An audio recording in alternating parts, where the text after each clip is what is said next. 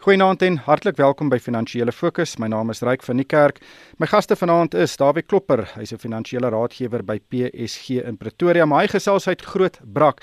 Goeienaand Dawie. Ja, goeienaand Ryk. Dit is 'n voorreg met julle te gesels. En uit die Kaap gesels Jan van die Kerk, hy's 'n portefeuljebestuurder by die batebestuursgroep RCM. Goeienaand Jan. Hallo Ryk, hallo Dawie.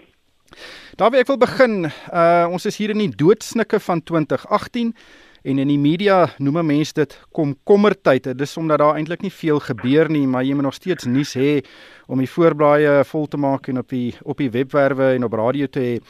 En vroeër die week kom daar 'n uitnodiging by ons aan van 'n perskonferensie van Christine Lagarde, sy is hoof van die IMF natuurlik en Lesetja Kanyago, hulle wil die media toespreek. En ons het 'n nuuskonferensie gehad en gedink wat beteken dit? Want dit dui alles daarop dat ons dalk 'n die IMF e genader het vir 'n hulppakket. En toe kom Lagarde by die perskonferensie en sy ontken dat daar eintlik enige iets substansieels uh met die president bespreek is en ook met Tsetja Kanyago en sy het basies gesê sy was in Afrika en sy kom lekker tee drink en dis eintlik 'n absolute bizarre ontwikkeling. Wat was jou indrukke van uh van Lagarde se se perskonferensie en sy boodskap? Ja, ek dink die interessante hierso was dat ehm um, sy tog genoem het dat hulle nie hier is om te kom geld uitdeel aan Suid-Afrika nie. Dat Suid-Afrika nie gevaar te geld nie. Dis die eerste ding en dan die tweede ding is net dat sy het gesê Suid-Afrika het groot ekonomiese potensiaal. En wat sy dan terselfdertyd gesê ons is natuurlik by 'n kruispunt en ek dink almal besef dat ons is by 'n kruispunt maar dit was die potensiaal. So dit was eintlik dan 'n verrassing die uitkoms wat mens amper sê van haar um, perskonferensie. Soos jy reg sê, mense sou nogal geskrik het um, as jy dit sommer net so koud ontvang het die perskonferensie spesifiek. Mm. Jan, jou indrukke?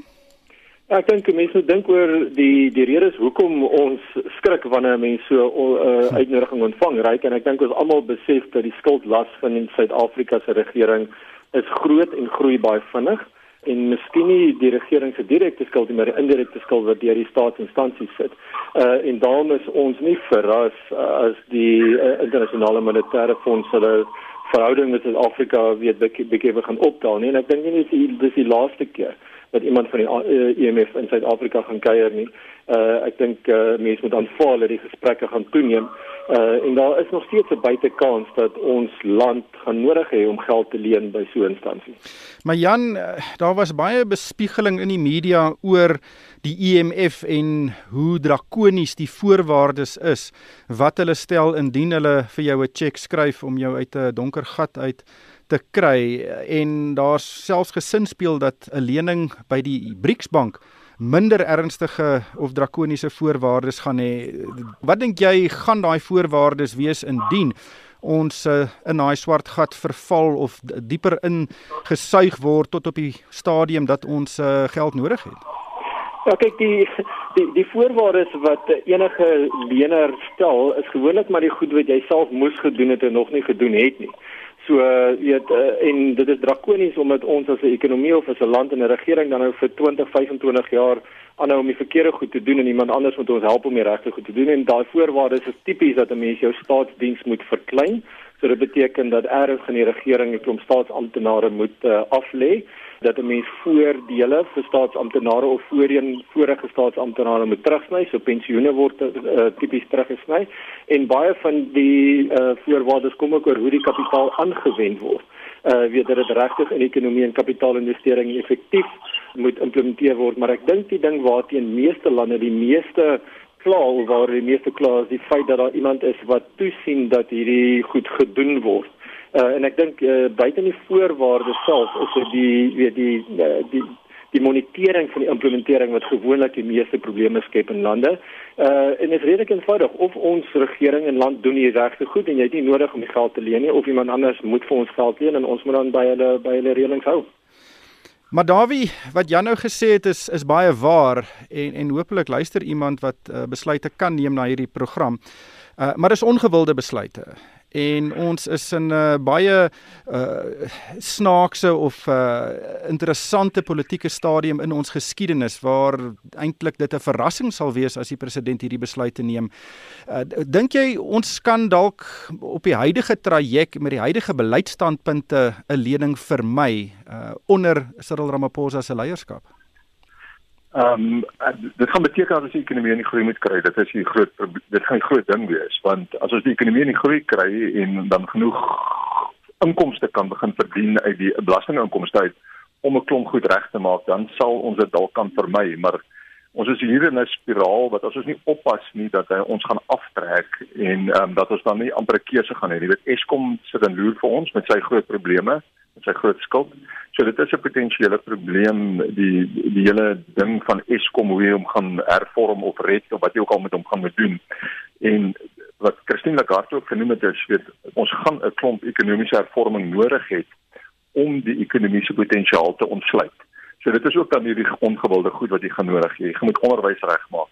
Jy moet private investeringe in die gang kry. Jy moet bereid wees om dink ek des te meer na die private sektor uit te reik. Jy gaan die staatsondernemings in die algemeen moet regkry. En dan noem sy al hierdie goed is besig om te gebeur in 'n tyd waar die ekonomie aan die sukkel is.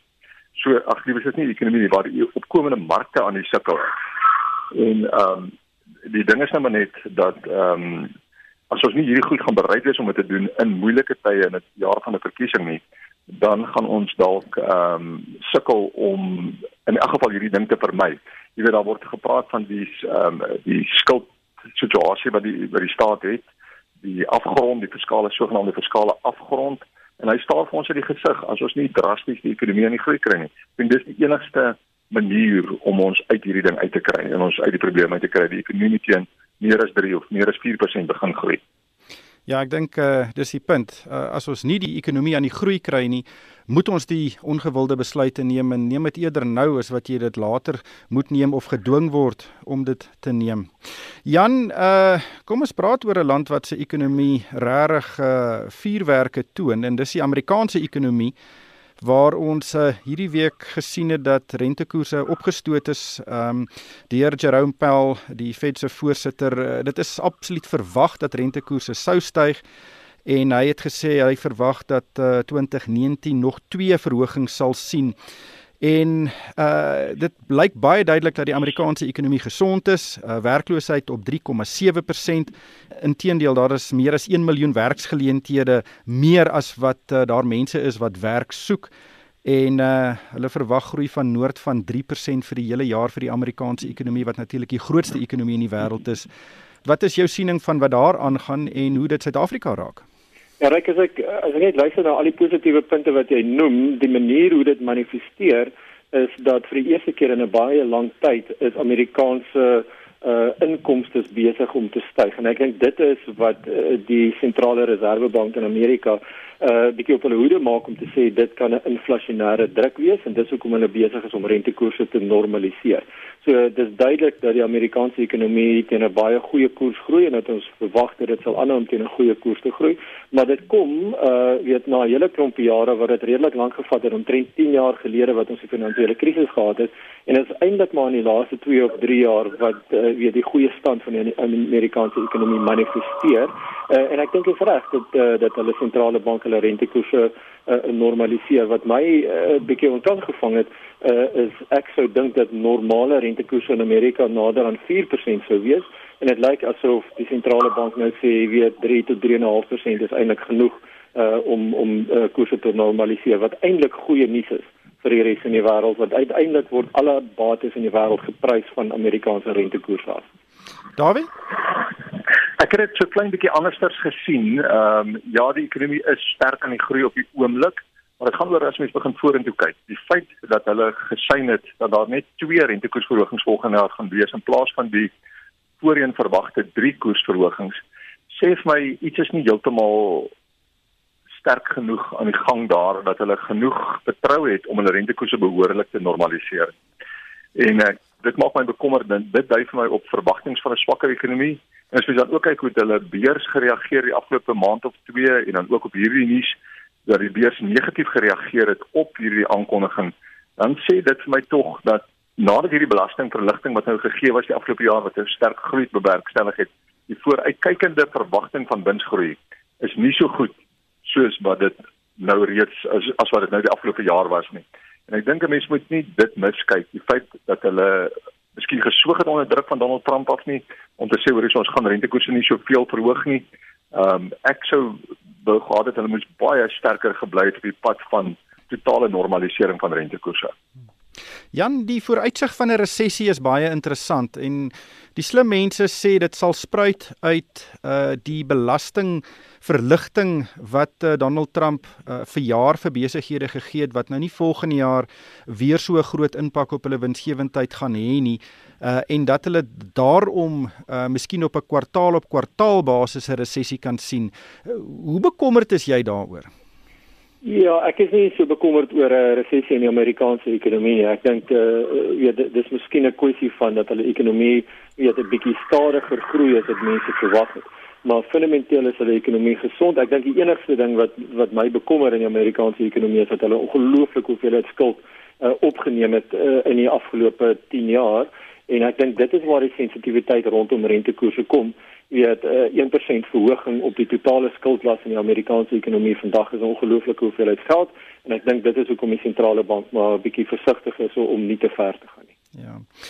Daarby kom ons gesels oor goeie nuus. Uh -hmm. en dis die oliepryse. Die oliepryse is uh, besig om skerp te val. Dis uh, al onder 55 dollar 'n vatjie Brent olie en ons kan dalk in Suid-Afrika brandstof uh prysdaling sien van meer as 'n rand per liter vir beide petrol en diesel en en dit sal 'n goeie 'n goeie begin vir die nuwe jaar wees.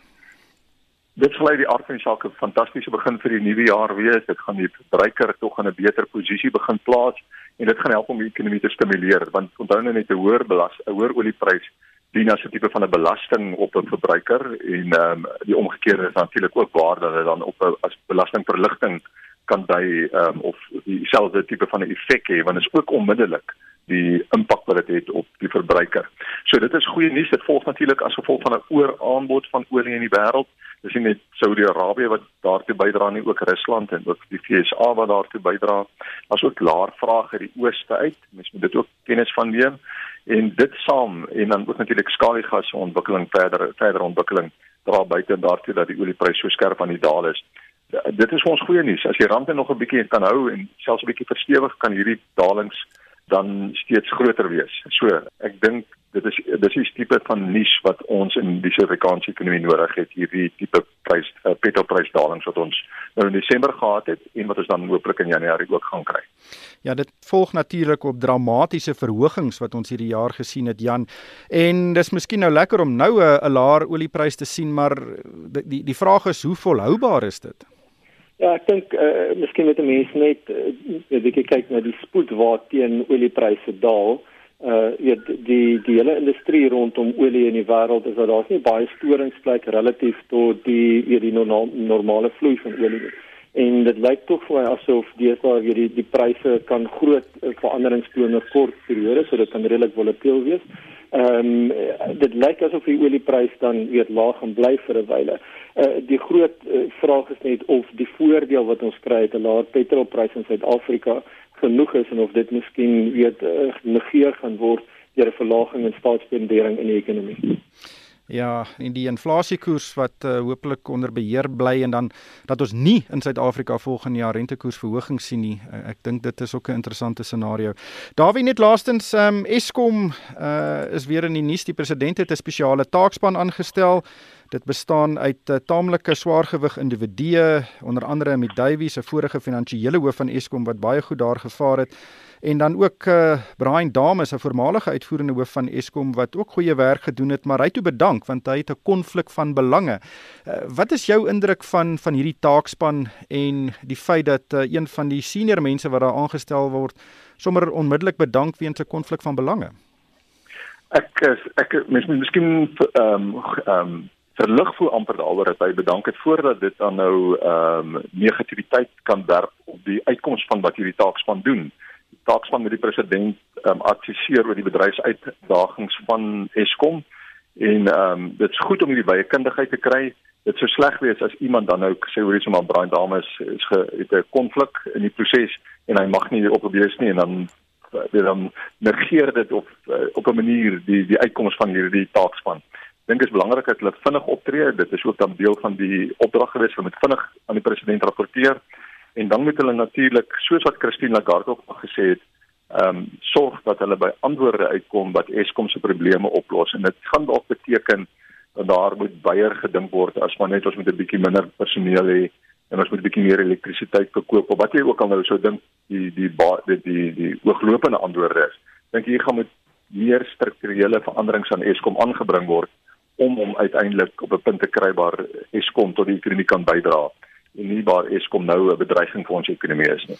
Ja, Jan, ongewilde besluite, dis waarna ons voorheen verwys het, maar op die medium en langtermyn gaan ons moet sien dat van die baie ou steenkoolkragsentrale moet sluit en dat daardie opwekkingsverantwoordelikheid moet skuif na onafhanklike kragverskaffers uh en veral son en windkrag.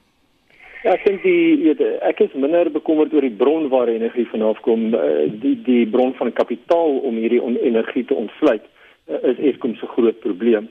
Uh weet op die huidige stadium soos hulle balansraad gestruktureer het, is dit totaal onvolhoubaar ek kan nie sien dat Eskom enigstens kan voortbestaan sonder dat enige van hulle krediteure bereid is om vir 'n skuld af te skryf nie en ons weet dat die regering is een van die grootste krediteure daar. Uh en sonder weet 'n dramatiese in in uh, weet aanvang daar gaan niemand anders regtig bereid wees om kapitaal te belê om energie op te wek. Het sy of dit son of wind of, of steenkool is. Uh maar dis groot hoeveelhede kapitaal wat vir baie jare opgesluit moet word en 'n mens moet gelukkig wees dat jy opbrengs kan genereer om dit te doen en ek dink dis Eskom se dilemma. Ja. Maar baie van hierdie onafhanklike kragverskaffers uh, sal self daardie kapitaalbedrag finansier en en uh Maar ooplik ons sal maar sien hoe dit met uitspeel. Ek dink daai verslag gaan 'n baie interessante ene wees en en daar wie soos jy sê, hooplik is daar meer as net die die voor die hand liggende oplossings wat daar neergeskryf is. Maar ongelukkig het die tyd ons ingehaal. Baie dankie aan Dawie Klopper, hy's 'n finansiële raadgewer by PSG in Pretoria en Jan van die Kerk, hy's 'n portefeuljebestuurder by die Batebestuursgroep RCM. En vir myself Ryk van die Kerk, dankie vir die saamluister en ek hoop almal het 'n winsgewende laaste week van 2018.